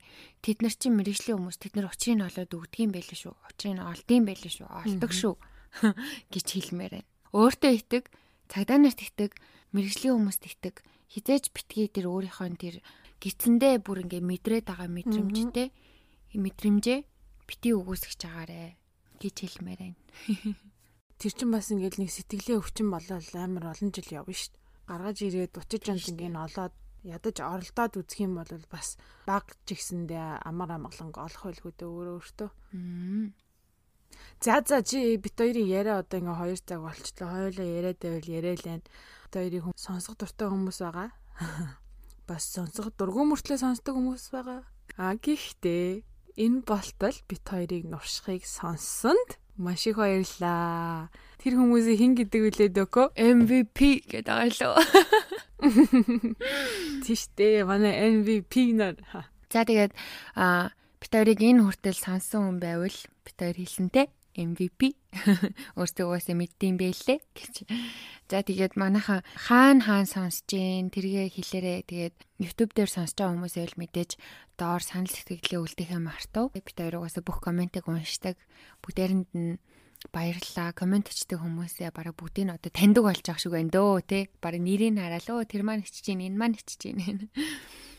Тий.